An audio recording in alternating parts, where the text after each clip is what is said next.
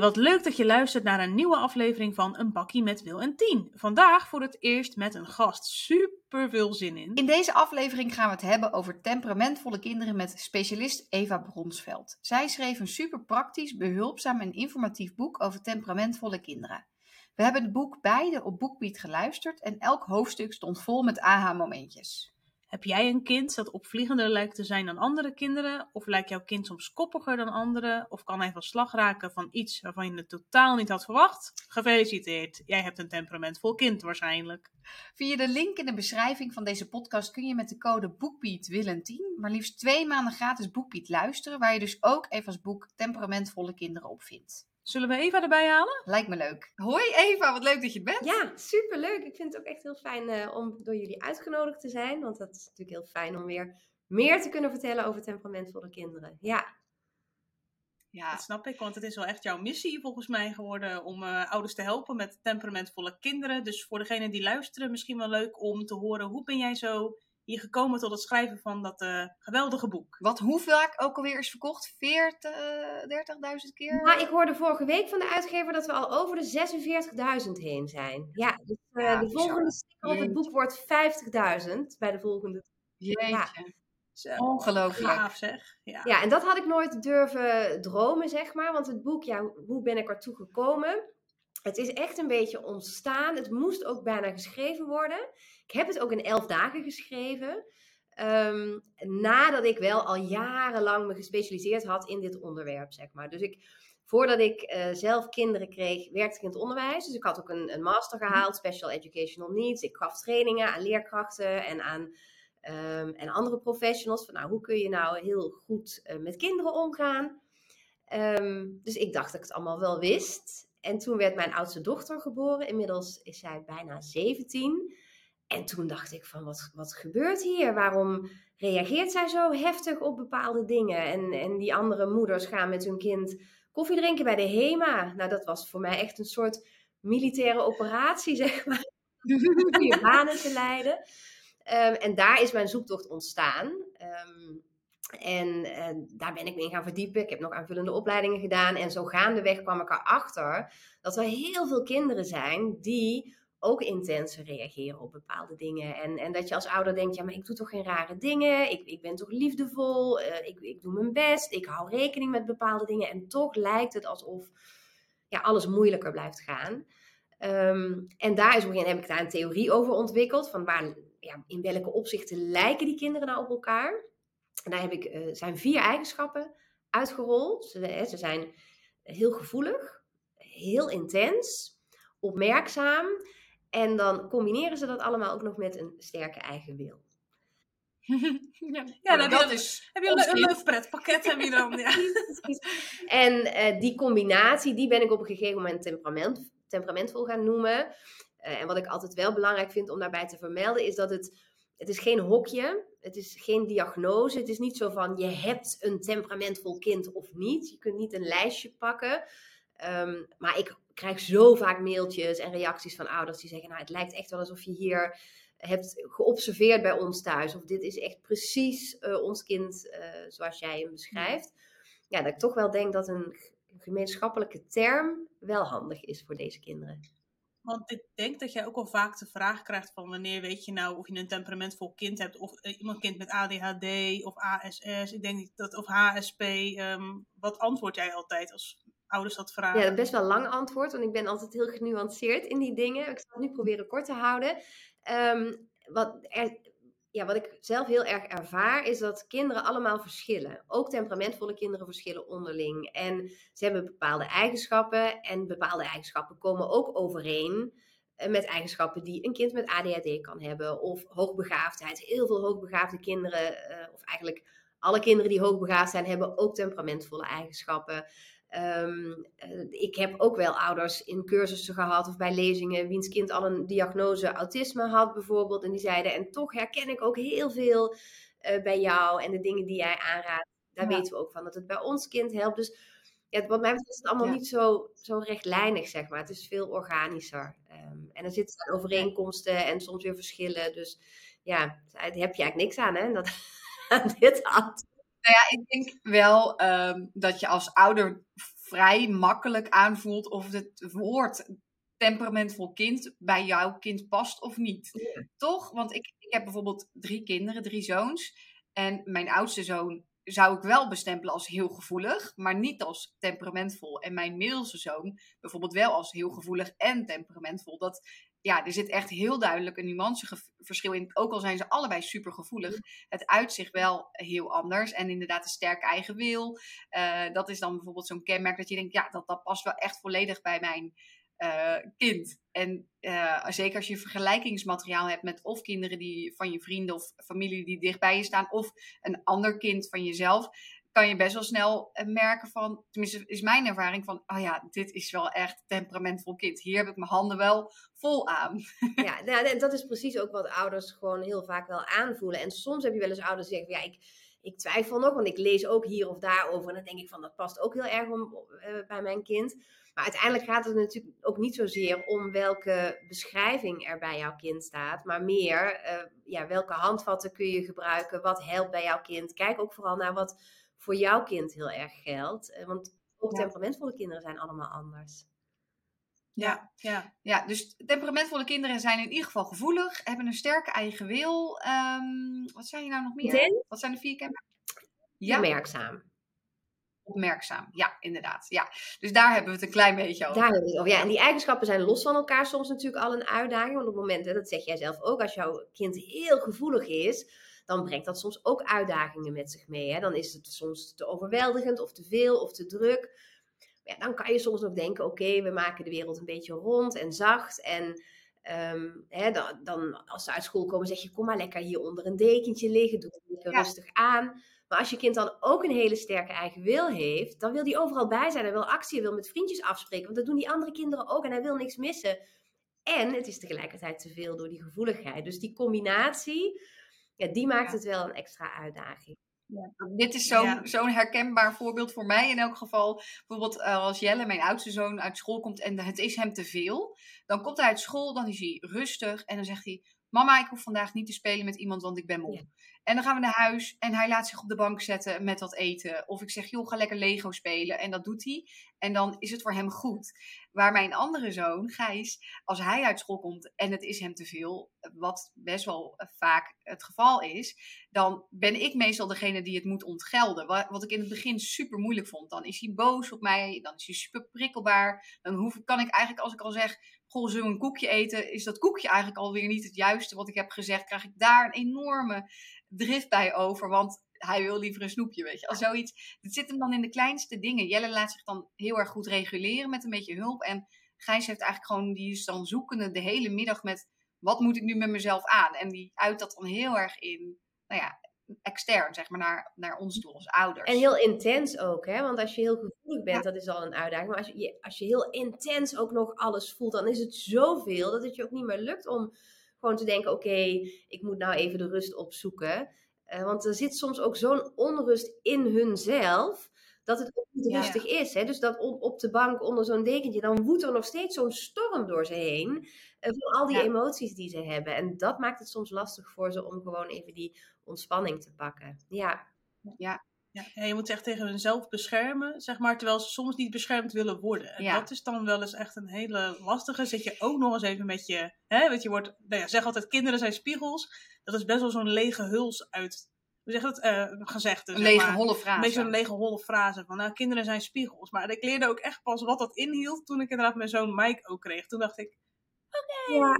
Zeg maar, als ik, vroeger was ik wel driftig, maar wel pas echt, ik had wel heel veel geduld als kind. Maar hij heeft dus continu een type driftigheid die ik inderdaad heb, uh, of had, zeg maar. Als het met te veel werd, heeft hij continu, zeg maar. En uh, echt heel erg boos worden op een kind. Ik moet zeggen, ik, ik heb een gigantische hekel aan de eigenschap boos zijn. Ik vind ook mensen die heel erg boos zijn, vind ik altijd in mijzelf denk ik altijd, nou doe even normaal. Kan dit doe niet een normaal? Beetje kalm, weet je wel, beredeneer het even, doe rustig. Ik, ik heb van hem zo uh, veel geleerd ook over mijn eigen emotie met boos zijn. Hij heeft dat in mij echt wel getriggerd, zeg maar. Hoor. En dat vind ik dus ook niet altijd leuk, want ik, ik haat boos zijn, maar bij hem ja, soms hebben wij zo, botsen wij zo daardoor gigantisch. Dat ik denk, oh mijn god, weet je wel. Ja, ik herken dit ook gewoon zo goed. Ja. Ook bij mezelf en ik zie het bij jou ook doen. Ja, en, en temperamentvolle kinderen spiegelen over het algemeen wel meer dan andere kinderen. Dat zag ik ook in het onderwijs heel erg. Dat dit dus de kinderen waren die, ja, die dan niet in de pas liepen of... En soms kon zo'n leerkracht dan bijvoorbeeld denken: ja, maar met die andere kinderen gaat het toch wel goed, dus het ligt niet aan mij het ligt niet aan iemand, dat wil ik helemaal niet zeggen. Maar op het moment dat het voor een temperamentvol kind goed is, is het ook voor de hele klas goed. Dus het zijn ook de kinderen die echt die, die signalen wel um, afgeven. En op het moment dat je daar naar durft te kijken, wat super spannend is en soms ook heel confronterend, maar dan kunnen ze je ook zoveel brengen. Want in het voorbeeld wat jij geeft over boos zijn, ehm, ja, boos zijn is natuurlijk een emotie die er eigenlijk gewoon mag zijn. Eh, en, dingen die je in jezelf probeert te onderdrukken, misschien omdat je zelf vroeger niet boos mocht zijn, of uh, misschien heb jij wel als kind heel sociaal wenselijk gedrag vertoond, dan krijg je opeens zo'n kind die laat zien van ja, maar wacht even, zo kan het ook. Um, ja. ja, dat kan me voorstellen dat dat soms een uitdaging is, toch?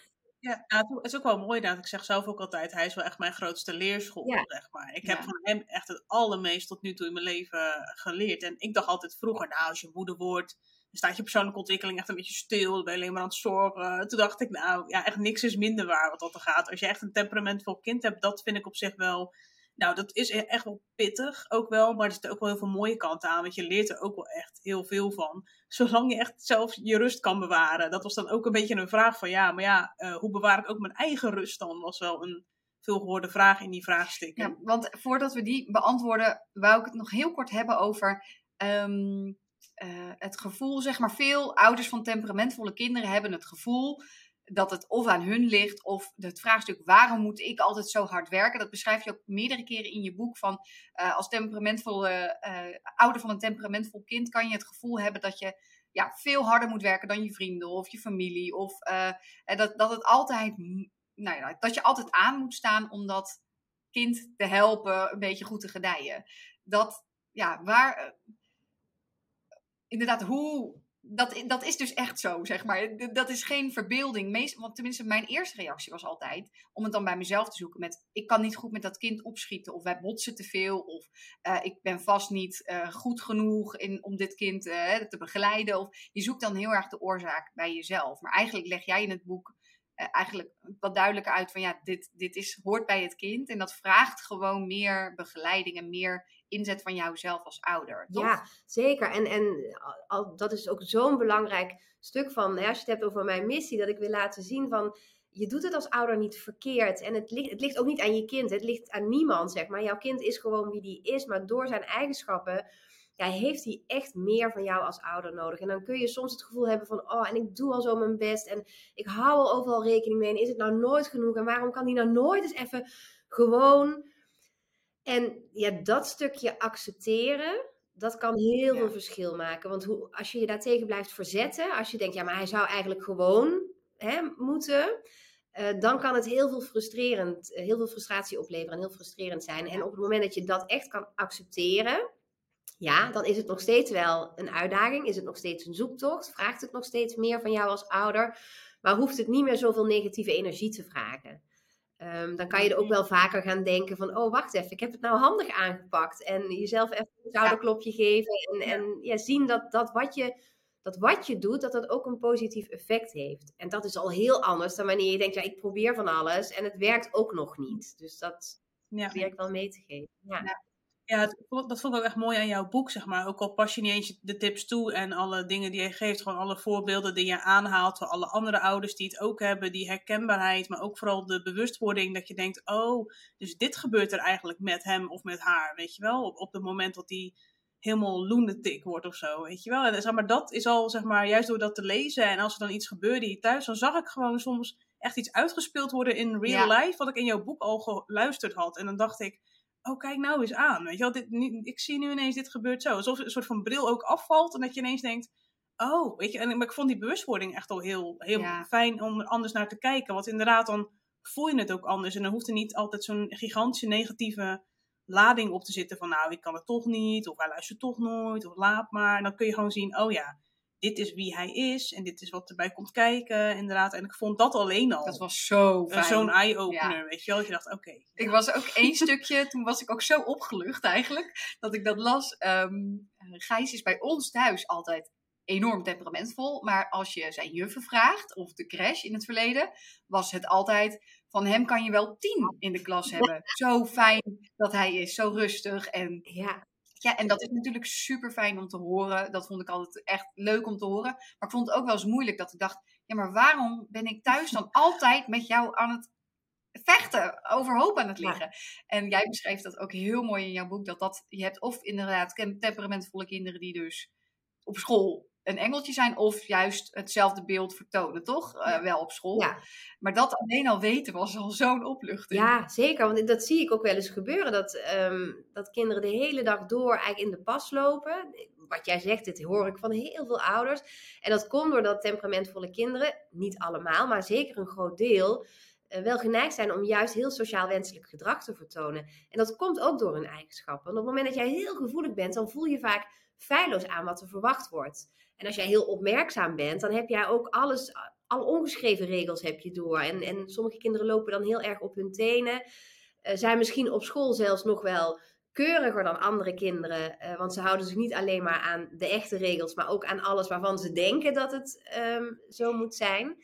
Ehm, en omdat ze dan op school toch bang zijn dat ze die verbinding verliezen of dat ze afgewezen worden, eh, houden ze dat daar de hele dag vol. Die emmer waar ik het wel eens over heb, hè, waar alle druppels invallen, Ja. eh, die nemen ze mee naar huis. En dan kom jij en dan smijten ze dat ehm, Ja, nou zo voelt het, ja.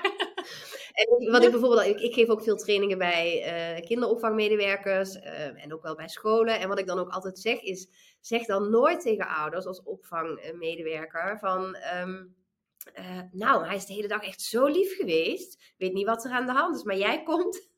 Want dat is natuurlijk het laatste wat je als ouder wil horen. Terwijl vaak zeggen ze dat in de kinderopvang om jou gerust te stellen. Van weet je, hij heeft niet de hele dag zo gedaan. We hebben goed voor hem gezorgd. Hij heeft het hier fijn gehad. Dus zij bedoelen dat vaak supergoed. Maar als ouder denk je dan al helemaal van ja, maar ligt het dan inderdaad ehm, aan mij? Ja, Ja. heel erg. Het is wel grappig om te horen, omdat we het net ook hadden over verschillende temperamentvolle kinderen. Dus het is wel leuk dat wij ook beide inderdaad een eh, temperamentvol kind hebben, maar inderdaad wat anders. Want wat jij hebt op school, die van mij laat gewoon overal, en dat vind ik op zich wel mooi. Alleen het is wel een beetje lastig in het systeem waarin je zit. Die laat dus inderdaad wel overal zijn ware kleuren zien. Ook op crashes, ook op scholen. Nou, ik heb al vaker belletjes gehad, zeg maar, of om tafel gezeten met inderdaad leidsters en juffen.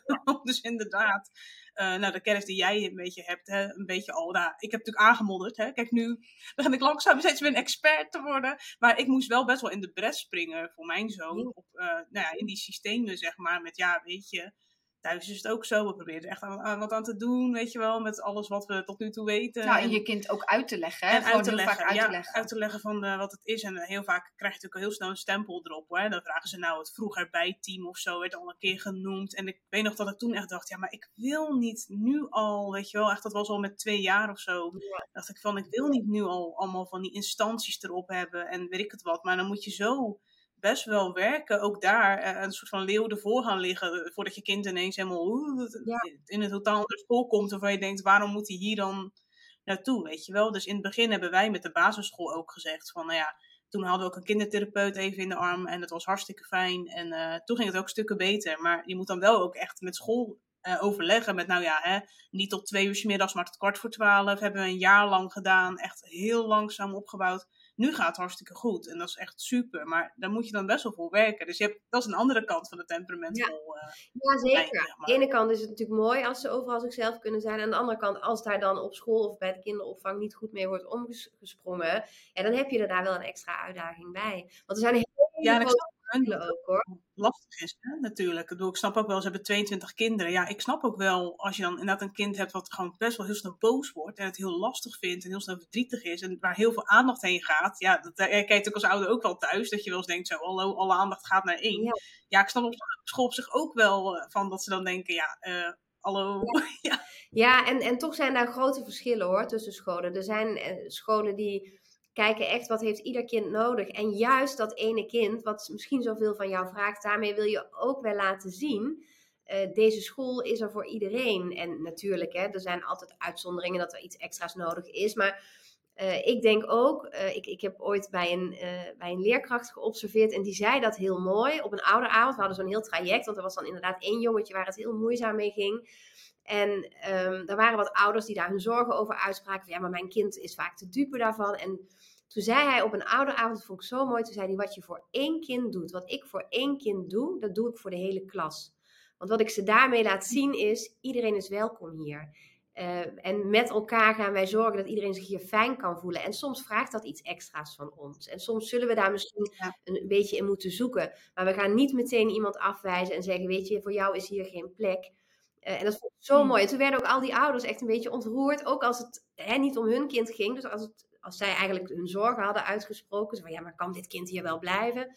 En alle kinderen en alle ouders uh, gingen echt om dat kind heen staan. Van wij, ja, wij gaan jou helpen hier. En dan kun je zoveel bereiken vaak. Oh ja, zo. Ja, dat was wel echt super mooi, mooi inderdaad. Ja, ja bij mooi. ons was uiteindelijk ook een van de dingen die hem dan hielp, was, uh, was ook een, een tip van een andere juf voor de ene juf. Van ja, hè, laat hem aan het eind van de dag alvast uitkiezen waar hij s'morgens mee mag spelen. Dat hij daar niet alvast weer helemaal ja. denkt, oh, ik moet de eerste zijn en uh, weet je wel Paniek, dat. stress. En dat hielp bijvoorbeeld ja. ook al zo goed. Het zijn soms echt hele kleine dingen, maar dat vind ik ook zo mooi. Soms is het echt iets heel kleins om iets heel groots te voorkomen. Zeg. Ja, absoluut. Het zijn vaak um, de, de, kleine dingen die het verschil maken. En het, dan helpt het heel erg als je gewoon weet van wat vinden ze moeilijk en waar hebben ze meer behoefte aan. En als je dat eenmaal in kaart hebt uh, en je gaat dan vooraf investeren. Alles wat je vooraf investeert en preventief doet, ja, dat levert je gewoon honderd keer meer op dan dat je het te lang laat lopen en dat je net te ja. laat bent en dan moet herstellen. Dat kost gewoon veel meer ja. ja, het zit hem in die kleine dingen, hè? zoals inderdaad wat jij zegt. Misschien wel leuk om een paar van die voorbeelden aan te halen voor mensen die dit luisteren. Want dat vind ik ook zo fantastisch aan jouw boek. Je leert al die opmerkingen van alle andere ouders. Denk je, oh ja, dat kan ik natuurlijk ook doen. Dus wij, ik bijvoorbeeld op woensdag is altijd voor Gijs wel een moeilijke dag, halverwege de week. En Jelle heeft zo zijn eigen ding op woensdag. En dan is het zo'n open middag. Wij maken dus nu van tevoren altijd een planning op dinsdagavond. Wat gaan we morgen middag dan doen op de woensdagmiddag? Um, uh, inclusief dus zelfs het middageten bepalen, zodat we daar uit school geen gedoe over hebben. Dus dat hij dan precies weet wat er gegeten gaat worden. En dat helpt gewoon heel erg. Ja, ja. Dat zijn die kleine, kleine dingen waarvan je dan soms denkt, ja jemig, is dat dan het antwoord? Ja, blijkbaar. Je staat ja. gewoon bij heel veel dingen niet stil, hè? want die, dit is dan echt de behoefte aan voorspelbaarheid. Ik probeer altijd ouders ook gewoon een soort kader mee te geven, zodat je gewoon heel snel kan checken, waar kan ik nog winst behalen en ja, dit gaat heel erg over die behoefte aan voorspelbaarheid. En dat is ook logisch, want als je heel opmerkzaam bent en heel gevoelig, dan is de wereld heel overweldigend. En het zijn ook vaak kinderen die over van alles nadenken. Dus zo'n woensdagmiddag, daar gaan ze inderdaad nadenken. Wat gaan we dan eten? Wat gaan we dan doen? Hoe gaat het eruit zien? En dat creëert dan al onrust voordat het zover is. Dus dat doe je dan super mooi. Als je dan zegt van nou, we gaan dat alvast met elkaar bespreken. Nou, zeker als hij dan misschien ook nog mee mag denken, dan bied je ook al de behoefte aan controle. Uh, de behoefte aan verbinding wordt daar ook mee uh, vervuld. Want je bent met elkaar in gesprek en je gaat samen kijken hoe kunnen we het fijn maken voor ons allemaal. Um, en de behoefte aan ontspanning kan veel eerder vervuld worden, omdat jouw kind gewoon meteen uit school kan beginnen met: hé, lekker, ik ben thuis, het is rustig en ik kan even bijkomen van die tweeënhalve ja. dag school. ja. Ja, ja. Loop je er nooit tegen aan dat ouders dan wel het gevoel hebben dat je altijd maar aan het plannen bent en vooruitdenken? Um, ja, en dat, ik vind dat, dit vind ik zelf ook het moeilijkst. En dat is iedere ja. ouder anders. In, ik heb nu net de eerste ronde van de online cursus um, heb ik afgerond. En in de derde week gaan we het hebben over de behoefte aan controle en de behoefte aan voorspelbaarheid. En dat zijn twee hele belangrijke behoeften in je kind. Hè. Dus ze willen heel graag ook zelf kiezen, zelf bepalen, zelf meedenken. En die behoefte aan voorspelbaarheid. Dus ze willen duidelijkheid. En dan kun je denken aan routines, dingen plannen. Maar ook hoe voorspelbaar ben je zelf? Als jij iets zegt, doe je het dan ook. Hè? En um, als jij eerst nee zegt, hoe vaak komt het dan voor dat je alsnog ja zegt bijvoorbeeld? Het zijn allemaal dingen om naar te kijken. Um, en dan zie je vaak dat uh, de, de ene ouder vindt dan die behoefte aan controle heel moeilijk. Want die wil eigenlijk gewoon zelf bepalen. Die vindt het zelf lastig dat... Um, ja, dat, dat zijn kind van alles wil bepalen. En de andere ouder, die denkt juist, ja, ik ben eigenlijk best wel flexibel. Maar die heeft dan vaak weer meer moeite met het dingen moeten plannen. Want die wil een beetje go in the flow en alles is zo vast. En ik had nog één deelnemer, dat was echt super leuk. Zij was een beetje uh, stuk gelopen op week drie, zeg maar. Ik merkte, want ik kan bij iedereen zien, hè, lukt het allemaal en kun je alles nog volgen. Dus ik had haar een berichtje gestuurd van, hey, hoe gaat het? Toen zei ze, ja, ik had eigenlijk een beetje gestruikeld over die voorspelbaarheid. En ik dacht, wat irritant. En dan moet ik alles gaan plannen. Dat wil ik helemaal niet. En zij mailde een paar weken later. Ze zegt, ja, we zijn toch ermee gaan beginnen. En het verschil wat wij merken, ja, het is me alles waard. Ja, ja. wat meer plannen. En ik vind het niet altijd leuk, maar het, het, brengt zoveel meer rust dat ik me er toch maar aan overgeef. En toen zei ze, ja, en ik vind het eigenlijk niet eens zo heel vervelend. ja. ja, dit is wel mooi wat jij noemt nu ook inderdaad. Um, gewoon dat plannen inderdaad, dat het heel erg helpt. Maar dan moet je wel achterkomen. Want we hadden het net al over, bij, onze kinderen zijn nu inmiddels al ouder. Hè? Mike is vijf en Gijs is zes.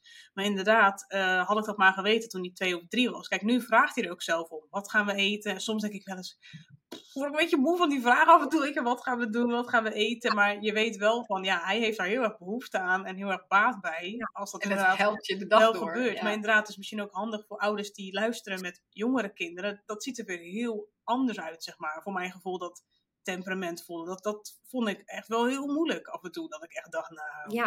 ik heb echt wel eens op de bank gezeten bij mijn ouders hoor. Dat ik echt dacht, ik zei, nou, ik weet het echt niet meer. Dan was hij gewoon jonger en geen idee wat hij dan wilde. Dan praat ze ook nog niet, hè, natuurlijk. Dus dan heb je helemaal geen idee. Nu denk ik, ja, als hij er nu vraagt, denk ik, oh, je hebt gelijk, uh, je wil voorspelbaarheid. Maar ja, dat is jonge geen... kinderen kun je bijvoorbeeld voorspelbaarheid bieden door te ondertitelen, zeg ik wel eens. Dus dat je gewoon echt letterlijk gaat beschrijven, wat gebeurt er?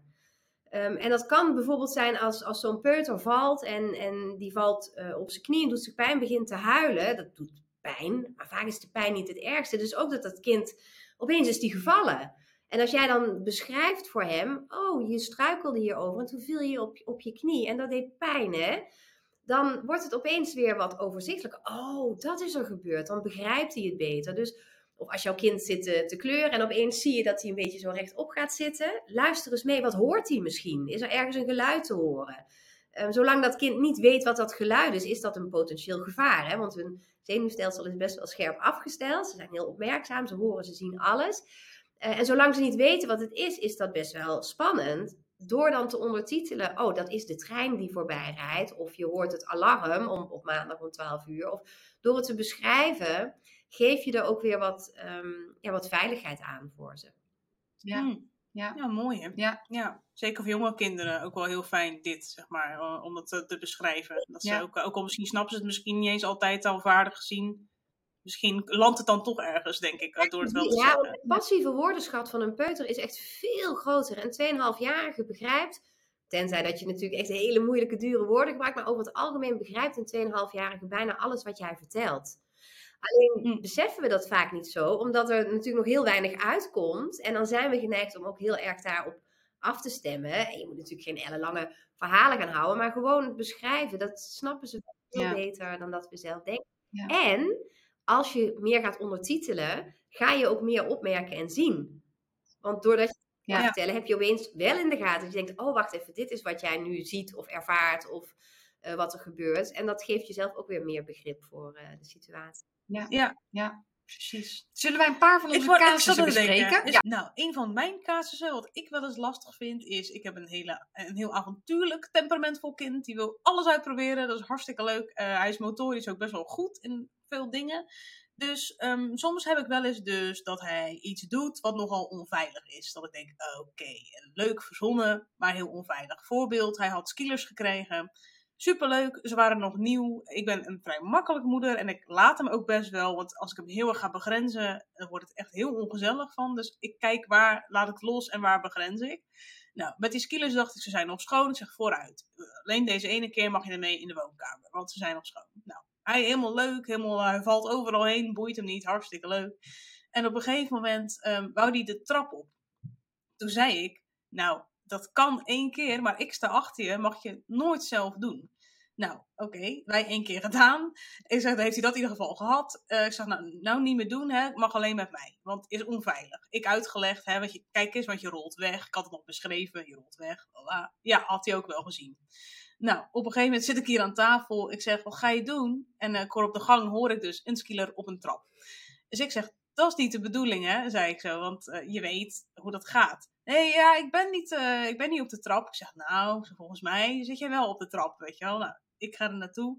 Boos natuurlijk dat hij niet die trap op mocht met die skillers. En ik was een oude taart en, uh, en noem maar op. En uh, hij begon te zien. Jij lacht er ook al om. Ik heb ook zo hij, hard hij, gelachen. hij heeft hele melige scheldwoorden af en toe inderdaad. Nou, ook niet altijd. Want soms is KUT ook wel gewoon een woord hier. Dus toen uh, nou, noemde hij mij oude taart. En toen begon hij helemaal te schelden. En dat vind ik dan heel lastig. Dan denk ik, ja, dan probeer ik te, uit te leggen dat het onveilig is. Maar vervolgens heeft hij een hele grote mond. Dan probeer ik het alsnog uit te leggen. Maar dan denk ik, ja, wat heeft het voor zin? Want dan blijft hij maar me helemaal vol schelden. En dan denk ik echt, oké, okay, ja, dan word ik zeg maar zelf ook zo neidig. Ja, dan gaat het oplopen bij elkaar. Dan zeg ik, nou, ik doe gewoon even de deur dicht, zei ik zo. Want, oh, zei Courtney zelf ook heel boos. Ja. Dat ik heb hem gewoon even gelaten. Maar dacht ik, ja, hoe ga je er nou mee om? Ook zeker als het onveilig is. Want dan heb ik dus de neiging, ook in het verkeer wel eens, hè, bijvoorbeeld, om te zeggen, remmen, stoppen, weet je wel, ho. Maar ja, voor je het weet, als je je stem gaat verheffen, dat is voor hem ook een trigger om dat natuurlijk ook te gaan doen. Ja, help! Ja, help, help. Ja, dit is wel ook meteen, ik ga daar zeker antwoord op geven, maar ja, hier komt heel veel bij kijken. Hè? Van hoe reageer je daarop, hoe stel je een grens? Um, om te beginnen is het zo dat het, uh, um, nou ja, je, stelt een bepaalde grens omdat je iets onveilig uh, vindt. En dat mag. En natuurlijk, ook bij temperamentvolle kinderen is dat soms heel, heel erg belangrijk. Um, wat dan uh, soms kan helpen, is als je die grens juist um, heel rustig aangeeft. Dus dat je toch probeert om kalm te blijven. We zijn vaak geneigd om te denken als het echt menens wordt. Of als ik zie dat hij er overheen, hè, over dat hek heen wil blijven klimmen. Want ze doen alles. Ze willen het in brand steken. Ze zagen het uh, om. Uh, wat ze maar voor elkaar kunnen krijgen. Dus het is heel belangrijk dat ze gaan merken dat hek staat er. Maar op het moment dat jij dan bij dat hek staat te schreeuwen. Of heel boos wordt op je, op je kind. Um, dan wordt het vaak juist veel moeilijker voor een temperamentvol kind om daarmee om te gaan. Um, juist op dat soort momenten is het belangrijk om bij wijze van voor dat hek te gaan zitten en te zeggen: Lieverd, we gaan dit echt niet doen. Gewoon ook op deze toon. Hoef je niet je stem voor te hebben. Als je contact hebt, dan horen ze je. En vervolgens, uh, de volgende stap is heel belangrijk: dat jouw kind daarvan mag balen. Jouw kind mag het stom vinden, jouw kind hoeft het niet leuk te vinden. En wat we vaak geneigd zijn om te doen, is uitleggen bijvoorbeeld. In de hoop dat hij dan op een gegeven moment denkt: Oh ja, nee, maar nou snap ik het. Je ik accepteer het. Dat is ook een slecht idee. Maar dat gaat niet gebeuren. Want zij vinden dat gewoon een goed idee. En hoe harder dat jij komt met argumenten, dat heeft geen zin. En of het nou mag omdat het onveilig is, of, omdat, of dat het niet mag omdat het wat dat betreft voor jou nu even een hek is. Ja, in het begin leg je dat even uit. Zeg je, we gaan dat niet doen, want. Maar dat weten ze eigenlijk dan. En als je het daarna nog meer gaat uitleggen, um, dan denkt je kind: hé, hey, wacht even. Blijkbaar zijn we in een discussie. Want mijn moeder of mijn vader komt met argumenten, maar ik heb betere argumenten. En die hebben ze altijd, toch? wel honderd. Anders is het wel schreeuwen. Zeg? En anders gaan ze er wel schreeuwen tegen in. Ook al hebben ze dan niet eens een argument, dan gaan ze gewoon. Ja, ja ze maken er alleen maar herrie op. Precies. Dus zeg maar tegen je kind ingaan op dat moment, dat heeft niet zo heel veel zin. En wat dan veel sterker werkt, is vaak als je gaat laten zien. Ik snap dat je ervan baalt dat hier dat hek staat. Erkenning geven. Je vindt het echt heel stom. Je had zo graag naar boven gewild op je schaatsen. En dan baal je ervan dat het niet mag. Dus bij wijze van ga jij dan al voor ze um, beschrijven hoe zij zich voelen en waarom dat die oude taart gaat noemen, zeg maar. Dus je probeert om dat gevoel al uh, te erkennen en vervolgens niet te veel woorden daaraan spenderen. Gewoon zelf rustig blijven, erkenning geven. Ik snap het, het is niet leuk. Daarna kun je eventueel zeggen, nou, wil je buiten gaan skaten of, of rolschaatsen of zullen we wat anders gaan doen? En je laat dat hek daar heel duidelijk zien, maar je gaat niet zozeer in discussie, want dan wordt het meer, meer, meer, meer. En dan denk je, ja, maar jij luistert niet. En hij denkt, ja, maar je begrijpt me niet. En dan ben je een oude taart. Ja. Hm. Ja. ja. Ja, ja precies. Ja, dus ook echt het gevoel beschrijven is dan eigenlijk gewoon een beetje de key waarschijnlijk. Van, hè, waarbij wij dus net in discussie gingen en niet te weinig misschien op het gevoel ingingen. Ja, ja en bij sommige kinderen helpt het als je het gevoel echt beschrijft. Hè? Dat je echt zegt van ja, je vindt het zo jammer, of je bent er verdrietig van, of je bent teleurgesteld. Voor sommige temperamentvolle kinderen niet. Dan gaat het er veel meer om dat jij echt accepteert dat ze ervan balen. En dat zit dan weer in je eigen trigger soms. Want sommigen van ons worden dan geïrriteerd. Omdat we denken, ja, weet je, je moet gewoon doen normaal. Of uh, waarom moet het zo moeilijk gaan? Of je moet gewoon luisteren. Maar het kan ook zijn dat bij jou de trigger is dat je het eigenlijk allemaal juist heel goed wil doen. En je zegt dan zelf, boosheid vind ik heel naar. Dus misschien doe je wel heel erg je best om ervoor te zorgen dat jouw kind niet boos wordt. En ehm, op het, dat is heel lief bedoeld, maar op het moment dat dat de intentie is, als we proberen als ouder om onze kinderen vooral niet boos te laten worden, ehm, dan laten we dus niet aan te zien, het is oké dat jij boos bent. Snap je wat ik bedoel? Want dit is altijd heel lastig hoor, want ehm, het gaat veel meer om jouw eigen gevoel erbij en om jouw eigen intentie dan de woorden die je precies gebruikt. Ja. Ja. Maar soms, um, want dat was dan mijn casus, die haakt hier eigenlijk perfect op aan. Soms is die boosheid wel heel moeilijk om mee om te gaan. Want uh, dan wordt er bijvoorbeeld met deuren geslagen, met spullen gesmeten, uh, getrapt. Het gaat er behoorlijk, bij jou denk ik ook, bij ons Soms wel, ja. behoorlijk fysiek aan toe. Ik denk dat het er ook aan ligt dat we jongetjes hebben. En um, of er wordt flink gescholden, ook met woorden waarvan je denkt, ja, dat kan, echt niet. zeggen, ja. ja. ik heb dan een stapeltje tijdschriften bij ons in de kast liggen. En Siep, die als Siep boos is, Siep is twee net, dan ligt dat stapeltje daar en dan gaat hij daar naartoe en smijt hij dat op de grond. Vind ik helemaal prima. Maar Gijs dacht laatst, ja, dat kan ik ook. Maar die ging er zo hard mee smijten dat echt de vazen nog net niet uit de vensterbank gingen. Dat ik denk, ja, hoe ga je nou om met die boosheid? Die gewoon echt wel enorm heftig is.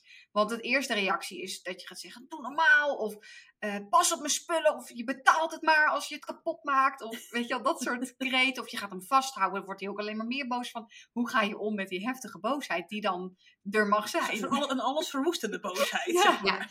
Destructieve boosheid. Ja.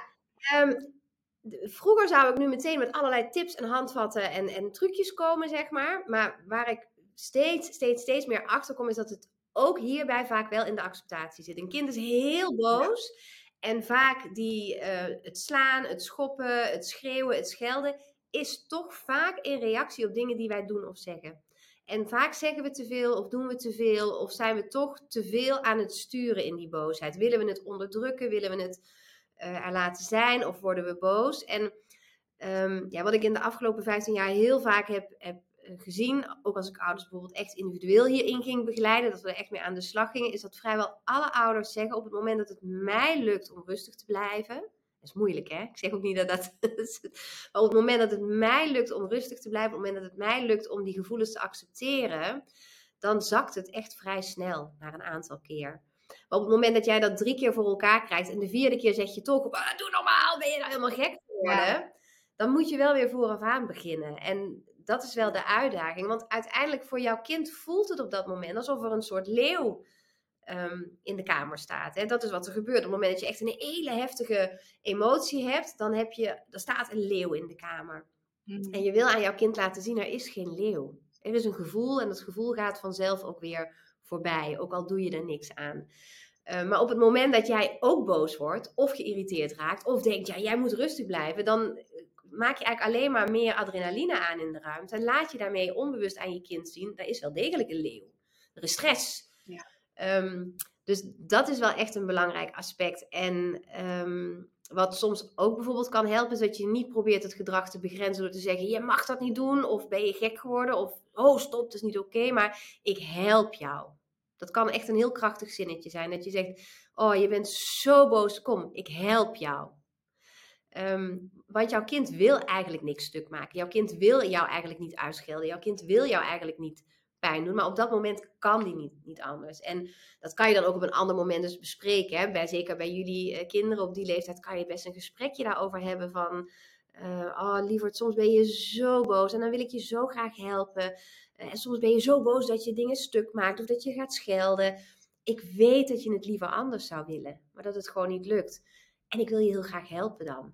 Zullen we samen nadenken? Wat zou ik misschien kunnen doen? En dat gaat dan niet de eerste keer lukken hoor. Maar gewoon dat je al laat zien aan jouw kind: ik, word, ik, ik ga het niet erger of moeilijker voor je maken. Ik ga proberen jou te helpen. Uh, dat maakt vaak wel veel uh, verschil. Maar dit is wel echt ook al voor gevorderden hoor. Daar gaat... Ja, en dit is, ja. ja. wat je zegt, inderdaad, acceptatie is misschien ook, maar, is ook belangrijk inderdaad. Je moet niet het doel hebben dat je kind inderdaad niet meer zo boos wordt. Want dat is ook, ja, ja onmogelijk misschien. Ja. maar het is inderdaad zo heftig om, uh, om mee te maken. En je gaat zelf ook zo snel in je stresslevel. En dat is misschien, dat was een van jouw eerste vragen die we net, net nog even parkeerden. Van hoe ga je hier zelf, ja, hoe hou je jezelf cool uh, met een temperamentvol kind? Of hoe zorg, zorg je dat je zelf uh, ja. ja. in een goede state of mind bent? Er is ook wat zelfscholing nodig, zo te horen. Ja, ja, ja. En um, ik geef dan nu die online cursus. Dan zijn we echt 13 weken lang bezig. En dat is eigenlijk nog bij wijze van tekort. Zeg maar, je zou er echt een heel jaar mee kunnen vullen. Um, ja. En tegelijkertijd uh, hoeft het ook echt niet perfect. Weet je, het, het, is, het zit hem in het begrip voor je kind, maar ook het begrip voor jezelf. En op het moment dat jij laat zien van, weet je, soms dan is er een situatie en dan heb ik geschreeuwd en jij hebt geschreeuwd. En het was echt gewoon even heel zwaar nou, vul maar een woord in. Uh, ellendig. Um, je kunt ook een ander woord invullen. Het was echt gewoon even niet leuk. Um, maar we houden nog steeds van elkaar. En ja. we maken het goed met elkaar. En we zeggen sorry tegen elkaar. En daarna is het ook vergeven en vergeten. En is het klaar. Uh, ja. En dat is heel belangrijk dat je dat richting je kind laat zien. Maar weet je, af en toe doe jij dingen. Ja, nee, daar zijn we dan misschien niet zo blij mee op dat moment. Maar we zijn ook net zo blij met jou. Maar kijk ook zo naar jezelf. Ook jij als ouder doet, zegt dingen die je misschien niet zo bedoelt had. Ik ook, hè. Het is niet dat ik nou thuis altijd alles perfect doe. Ik weet nog goed dat mijn oudste dochter zat huiswerk te maken. En mijn jongste dochter, nou ja, die had weer eens veel meer uithoudingsvermogen dan eh, ik geduld, zeg maar. Dus ik zei iets tegen haar. En ik was niet eens heel boos of dat ik nou echt... Maar ik, ik zei iets. En toen zei mijn oudste dochter van achter de huiswerk...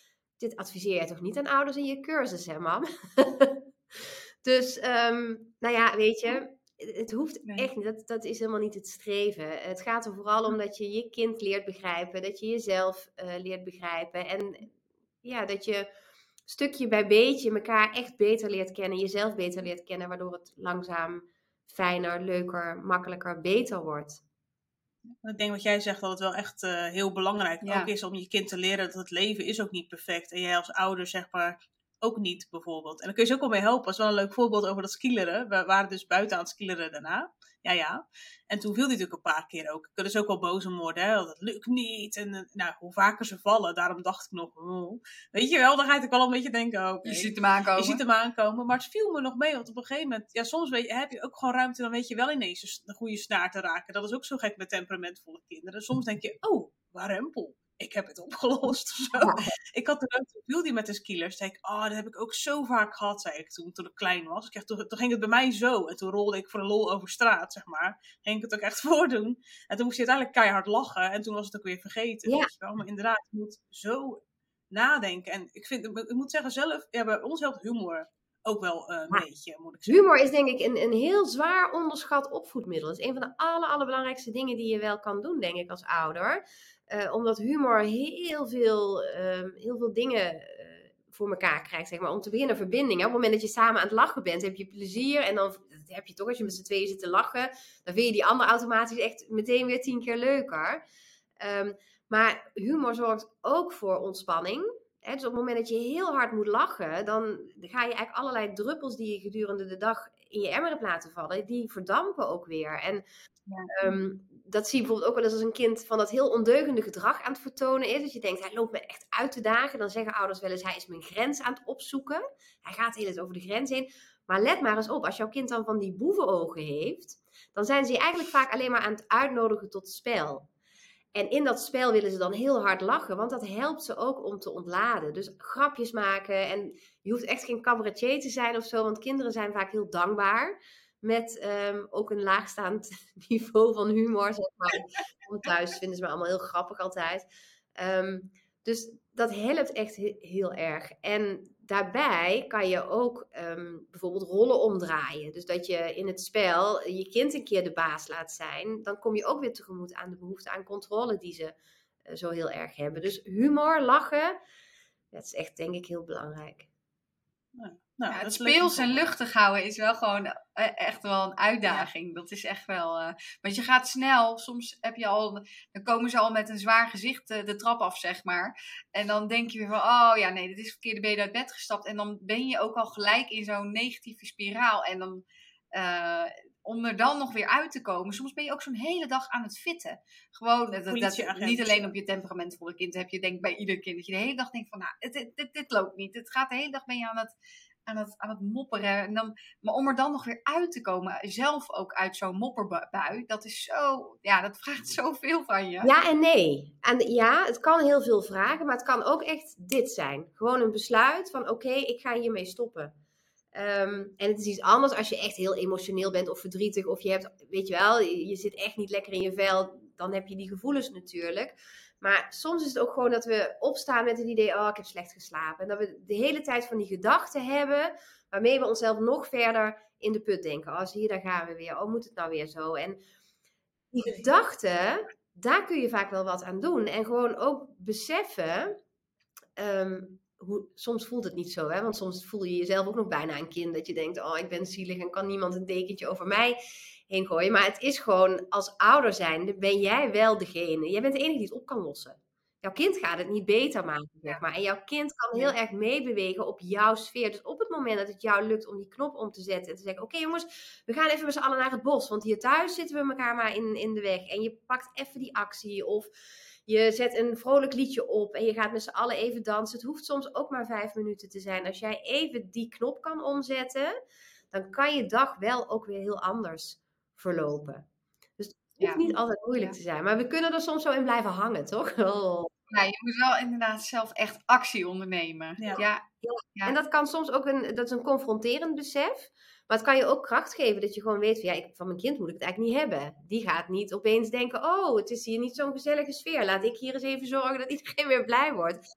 Dat het weer goed gaat. Ja. En dan moet je denk ik ook niet willen. Dat je kind zeg maar, zich zo gaat voelen dat hij het op moet gaan lossen. Als dat zo is, dan, is, er iets, dan is er iets serieus aan Dan werkt het wel een beetje please. Die heb je natuurlijk wel, ja. Die kinderen die dat wel doen. Die dan de hele dag maar proberen om lief en aardig en, en gehoorzaam. Dat je denkt, oh wat een makkelijk kind. Maar dat is niet altijd zo. Dat is soms ook omdat ze heel erg proberen om de sfeer maar goed te houden.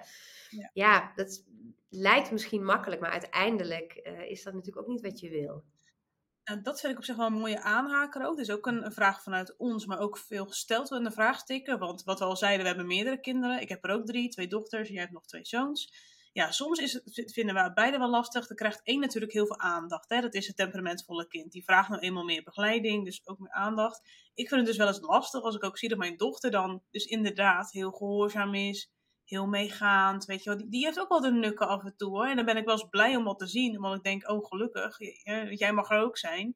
Maar ik vind het wel eens lastig om echt dat eh, de tijd en energie te verdelen tussen die twee. En dat ik ook wel bang ben dat ik denk, ja, ik wil niet dat zij het, het onderspit delft of zo van zijn gedrag. En af en toe dat hij ook fysiek mapt, weet je wel, als hij heel boos is. Dat, dat vind ik dan lastig. Dat ik denk, ja, hoe hou je het nou ook voor die anderen leuk, weet je wel, die niet temperamentvol zijn. En volgens mij is dat een vraag die heel veel ouders hebben. Ja, ja. Um, het, het, is denk ik heel belangrijk dat je daar oog al voor hebt. En dat je daar ook erkenning voor biedt. En dan gewoon het kind wat, wat een beetje onder lijkt te sneeuwen. Misschien dat je er af en toe gewoon ook eens even bij checkt. Uh, dat je zegt van nou, ik breng jou s'avonds altijd even in, in, je eentje naar bed. Dan heb ik dat kwartiertje voor jou.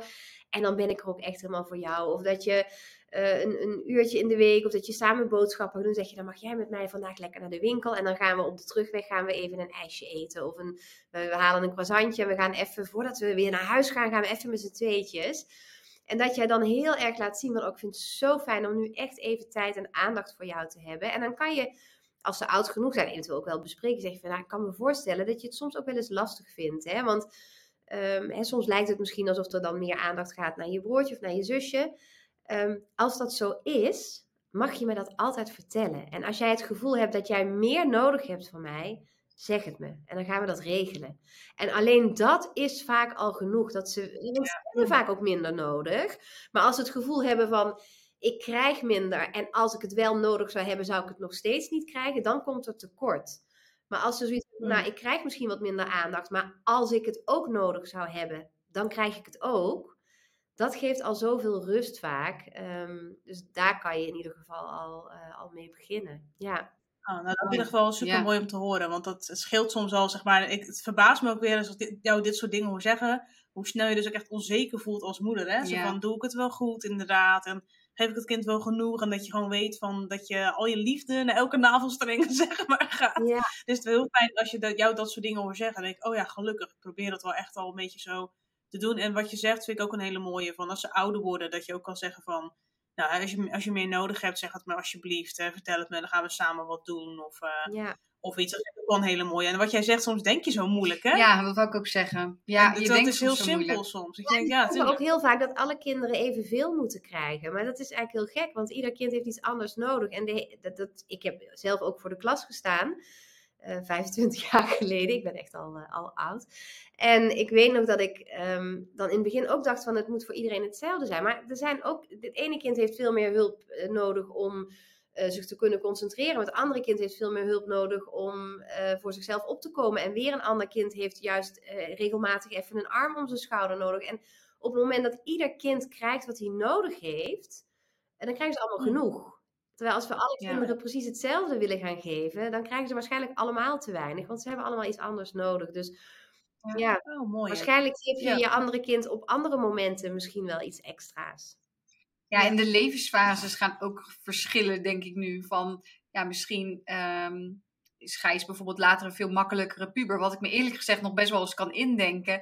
En dan heeft hij weer wat minder aandacht nodig. En misschien kan het, gaat het dan, heeft een ander kind weer nodig. Dus je hebt ook, soms ben je ook alleen maar in het nu, hè, met, met je struggles in het ouderschap. Dat je denkt, dan is een probleem nu zo groot. Bijvoorbeeld de peuter, peutertijd bij Jelle en Gijs vond ik ook zo'n enorme fase waar ik maar niet uit leek te komen. En nu denk ik, oh ja, was ook gewoon een fase. En soms dan maak je je eigen struggles in het ouderschap zo, zo groot en zit je zo vast in, in, in bepaalde problemen die je dan hebt. Of ja, problemen, uitdagingen. Ja. Uh, terwijl het helpt soms denk ik ook gewoon om, om te denken van, ah het is echt weer een fase en die gaat ook weer voorbij. En het verandert ook continu. Ja, ja en, en ook waar kijk je vooral naar? Als je s'avonds naar bed gaat, denk je dan vooral terug aan die ene driftbui of aan dat moment dat je tekortgeschoten bent voor jouw gevoel. Of dat je denkt, oh, toen had ik eigenlijk meer. Of denk je, aan uh, die, die hele lange knuffel die je je kind gegeven hebt? Of denk je aan dat moment dat je kind op je afgerend kwam en zei: Oh, papa of mama, en dat jij daar echt oog, oog voor had? Of waar focus je um, je aandacht op? Nou, dat is misschien wel een mooi laatste punt om te bespreken waar wij het wel veel over hebben. Het, um, uh, je hebt tegenwoordig die enorme gentle parenting uh, stroom, die ook op Instagram enorm mooi met hele mooie filmpjes worden gedeeld. Uh, maar de, de, tegen, uh, de tegenhanger daarvan is dat wij wel eens samen bespreken van... Oh ja, zie je weer zo'n filmpje en dan heb je ook weer het gevoel dat je het allemaal niet goed genoeg doet, weet je wel. Zo'n zo, hele mooie, inspirerende vrouw die dan vertelt... Ja, uh, nou, ik, je moet niet boos worden op je kind. Ik heb er alleen, er was laatst iemand die zei van die genoot zo mega intens van alles wat dat kind deed. En dat kind lag heel rustig naast haar naar het zonnetje te kijken in het gras. En toen stond er een comment ook onder met, nou sorry hoor, ik heb het met mijn kind geprobeerd. En die vond na 10 seconden vond hij er geen donder meer aan. En uh, nou, ik zie het echt helemaal niet voor me, dit beeld, zeg maar. Ja, dat, dat gevoel van dat je dus inderdaad uh, wel regelmatig tekort schiet, omdat je hele mooie, inspirerende filmpjes ziet, maar die je dus wel ook het gevoel geven dat jij dat niet elk moment van de dag bent. Nee. Dus dat, hoe, hoe kijk jij daarnaar? Hoe... Nou, wat mij betreft is opvoeden voorleven. En ja, je wil dan bijvoorbeeld voorleven dat je liefdevol bent en respectvol en aardig en begripvol en, en al die dingen die je in die filmpjes ziet. Maar voor mij gaat voorleven ook over het stuk hoe mild ben je naar jezelf. Hè? Want we willen toch waarschijnlijk heel graag dat onze kinderen, als ze er een potje van maken, niet denken: Oh, ik ben een slecht mens of ik heb het helemaal verknald. Maar dat ze denken: Oké, ik heb er een potje van gemaakt en ik bied mijn excuses aan of ik herstel het. En door.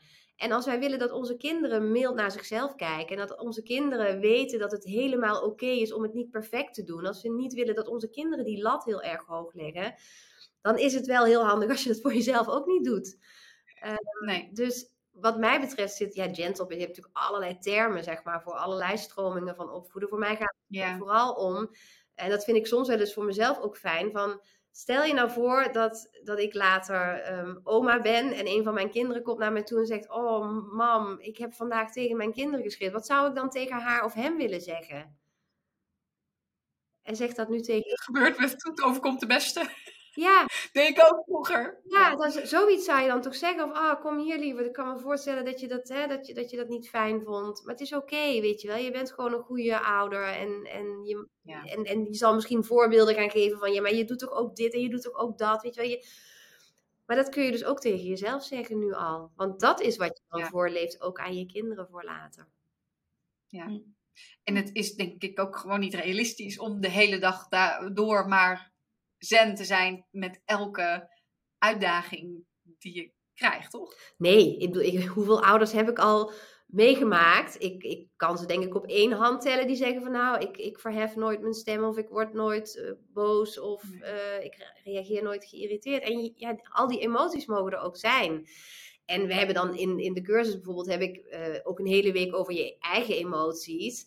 Ehm, dan geef ik wel handvatten over als je dan opeens zo ontzettend boos wordt, hoe kun je dat dan eh, liefst proberen op zo'n manier te doen dat je kind zich er niet helemaal te pletter van schrikt. Hè? Dus eh, welke woorden kun je dan misschien beter vermijden? Op welke manier kun je jouw frustratie eruit gooien?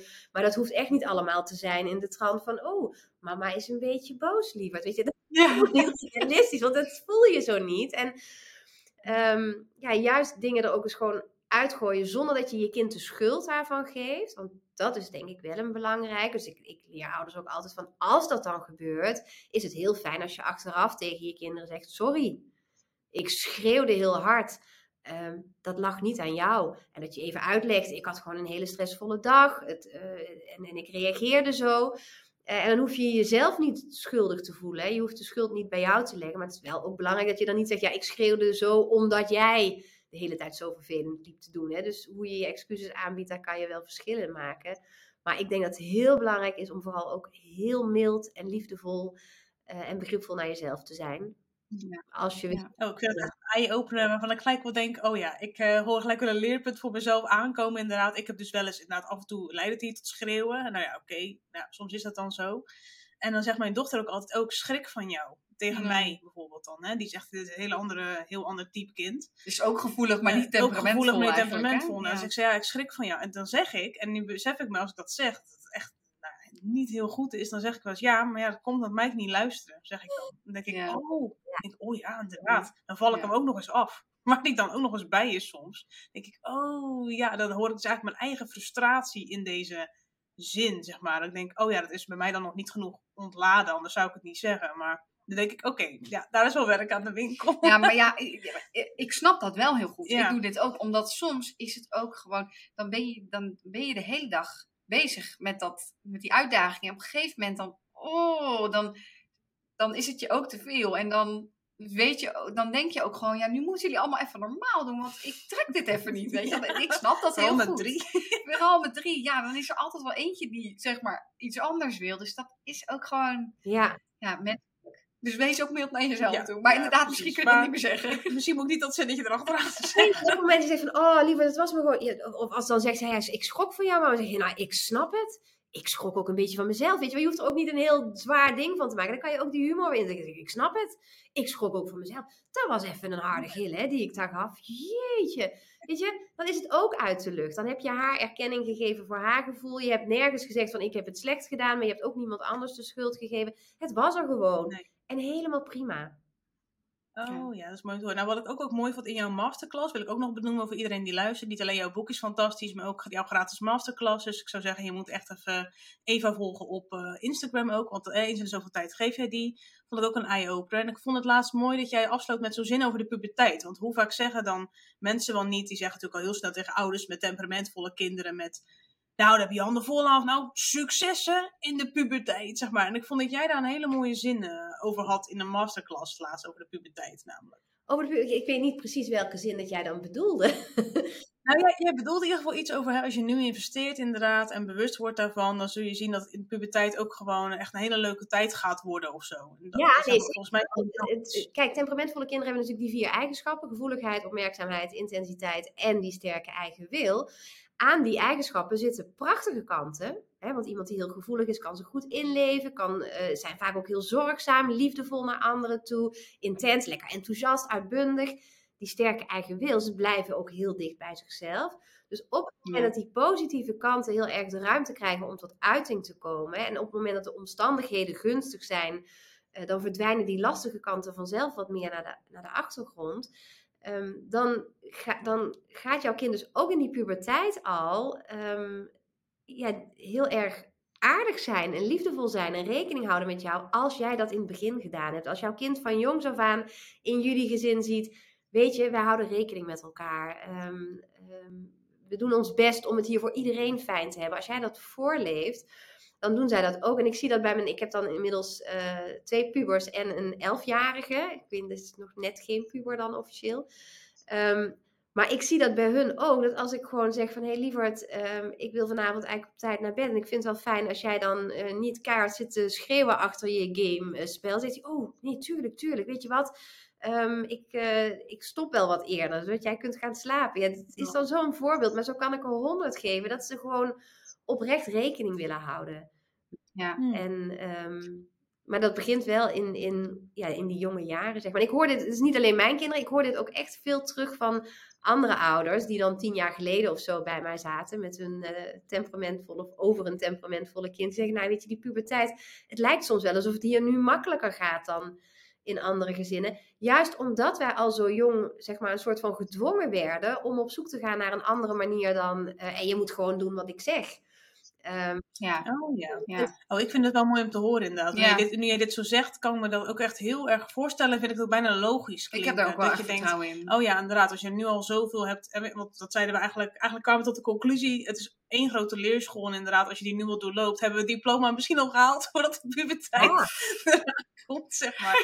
maar dat vond ik zelf wel echt heel fijn in jouw masterclass, om dat ook eens een keer te horen. Iets positiefs ook over de puberteit, in plaats van altijd maar van nou, weet je wel, dan word je bijna een beetje bang gemaakt of zo. Dan denk je, ja, hallo, als ik zo ga nadenken over mijn leven met kinderen, dan wordt het echt heel zwaar. zeg maar. De deur uitgaan, ja, precies. Maar, ja, ja dat, en dat wil je gewoon niet, nee. Ja, en misschien om af te sluiten, er zitten inderdaad ook zoveel mooie eigenschappen aan die temperamentvolle kinderen. Wat je net ook zei, inderdaad. Dat ze zo gevoelig zijn dat ze ook juist heel goed op je af kunnen stemmen. Dat zie ik altijd wel aan mij, die dan, dan toch af en toe net eventjes jou een dikke knuffel komt geven wanneer je het nodig hebt of zo. Weet je wel? Dat, klopt. Ja, en hij weet, en dat is ook wel mooi. Ik vond het ook wel mooi dat door die positieve eigenschappen bijvoorbeeld school ook anders naar hem is gaan kijken. Dat is ook wel mooi om te benoemen. Toen was er iets ergs gebeurd in de klas, iets met een van de ouders, dat was heel lastig.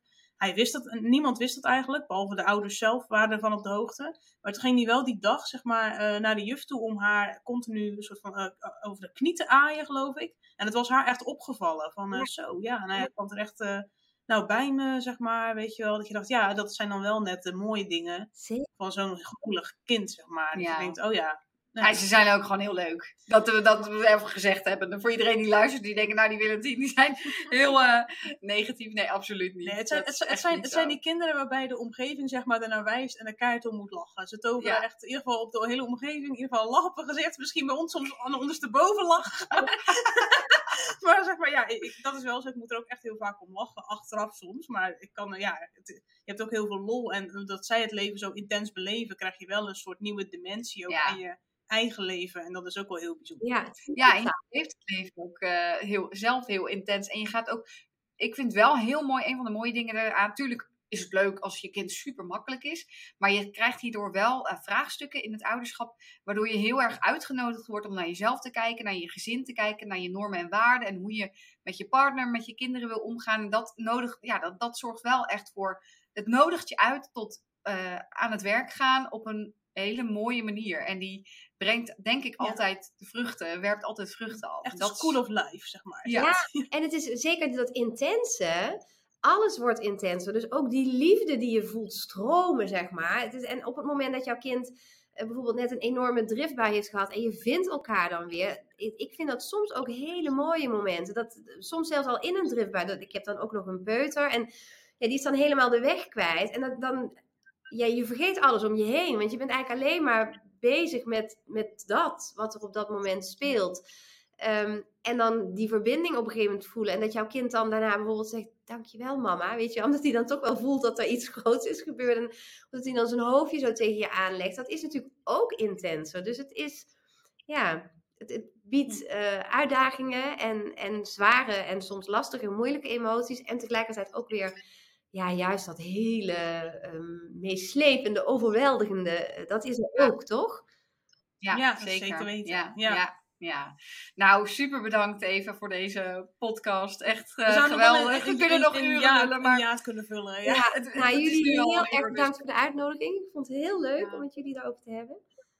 Ja, wij ook. Echt superleuk. Nou, voor iedereen die dus denkt, hier wil ik meer van weten. Eva's boek, Temperamentvolle Kinderen, kun je kopen in de winkel. Of zoals wij luisteren op uh, Boekbeat. Je hebt je cursus, uh, evabronsveld.nl. Is dat handig? Nee, temperamentvollekinderen.nl. Ja, daar doen we die. En, en je Instagram. Ik weet niet, wat zeg je? En wat is je Instagram voor als mensen je op willen zoeken? Ja. Bronsveld. Oh, dat, daar ben ik mee aan de war. Ja, precies. De website, ik heb ook een website, evabronsveld.nl, maar de website Temperamentvolle Kinderen, daar kun je echt alles vinden over uh, het boek en de cursus. En uh, ook, wat zijn nou temperamentvolle kinderen? En herken je jouw kind daarin? Kun je daar ook ja. Ja, superleuk. Ja, en als het goed is, waarschijnlijk na de zomer komt er een, een andere cursus nog met broertjes en zusjes een verdiepingsslag daarop, hè? Ja, dat klopt. Die ben ik nu aan het ontwikkelen, omdat ik uh, in, in, de afgelopen ronde van de cursus kwamen daar natuurlijk ook veel vragen over. En ja, die be ik beantwoord alle vragen in de cursus, dus die heb ik daar ook wel beantwoord. Maar ik dacht toch, het is wel goed om daar ook nog een aparte cursus over te maken. Dus um, die is dan eigenlijk meer naar aanleiding van mijn boek Maakt me niet uit wie er begon. Wat ja, normaal oh ja. over dat thema gaat. Dus uh, die zit er aan te komen. Maar nu eerst 7 maart een nieuwe ronde van uh, de online cursus. Leuk. Ik ben erbij. Ik heb er zin in. Ik ben heel benieuwd. Meedoet. Ja, ik ben benieuwd. Nou, super bedankt. Ja, bedankt voor je tijd en uh, wie weet tot een volgende podcast. Yes. Zo, wow. Dat was wel echt even mega inspirerend zeg. Ja. Jeetje. Oh, ja. wat een eye-openers allemaal ook. Hè? Ja, dat vond ik al met dat boek zeg Ja. maar ook hoor. Maar ook als je met haar praat, dan denk ik, ja tuurlijk. Weet je, Soms het gevoel van, oh ja, zo simpel kan het zijn. zijn. Ja, dat. En dan ook hoe, en hoe licht het eigenlijk ook voelt als je erover praat. Oh, dit is ook een stuk lichter en, en fijner. Echt, ik zou echt denken, iedere ouder die zichzelf herkent misschien, of herkent in een kind met temperamentvol gedrag. Ja, doe hier echt iets mee. Want Je inderdaad, boek, het, eh, cursus. Ja. We need it, man, zeg maar. Wij zijn onder andere ook twee moeders die, eh, die je ook helemaal herkennen hierin. Dus eh, er zijn ook heel veel ouders die dit hebben. Ik, het is echt een eye-opener. En ik denk voor jezelf is het goed om te doen, maar ook voor je kind is het gewoon heel fijn als je zelf ook hierin lerende bent, denk Ja. ik. Ja. Nou, jij gaat de cursus doen. En als je geen tijd of ruimte of geld hebt om de cursus te doen, nogmaals, op BookBeat kun je me luisteren. Met onze code BookBeat10 krijg je hem twee maanden gratis. Kun je op BookBeat luisteren. Dus dan kan je het boek ook uitluisteren. Dat gaat je wel lukken. En Ja. uit dat boek ga je al zo ontzettend veel halen. Uh, ja, het is voor ons echt allebei al mega behulpzaam ding geweest. geweest. Ja, zeker weten. Het is echt zo'n boek waarvan ik ook echt denk dat je nog wel tig keer kan luisteren. Zeg Ja, maar. ik heb hem dus, naar aanleiding van het luisteren op BookBeat, heb ik hem nu ook in papieren versie gekocht, puur om als naslagwerk te gebruiken. Ik heb ook bepaalde dingetjes omgeslagen op pagina's van die dingen, dat ik denk, oh ja, dit wil ik gewoon even onthouden. Voor als Ja. ik dan weer uh, ergens mee zit of zo, dan deze pagina is dan Ja, van die, help. van die kleine, en daar ook in staan van die kleine simpele dingen. Ja. Hè? Gewoon zoals van, glimlach even naar je kind. Weet je, maak even contact, een glimlach van een afstandje even. Van hoi, ik zie je of zo. Ja. Dan dacht ik, oh ja, van die Ja. kleine, mooie, liefdevolle dingetjes ook. Ik denk, zulke super simpele tips. Dus nogmaals, je kan hem luisteren op BookBeat. Jullie weer bedankt voor het luisteren. We zijn natuurlijk heel benieuwd wat jullie hierin herkenden. Of je nog leuke situaties hebt meegemaakt onlangs die een beetje aansloten op dit hele verhaal. Wat jij toegedaan hebt. En ehm, ja, Tot, de volgende, volgende keer.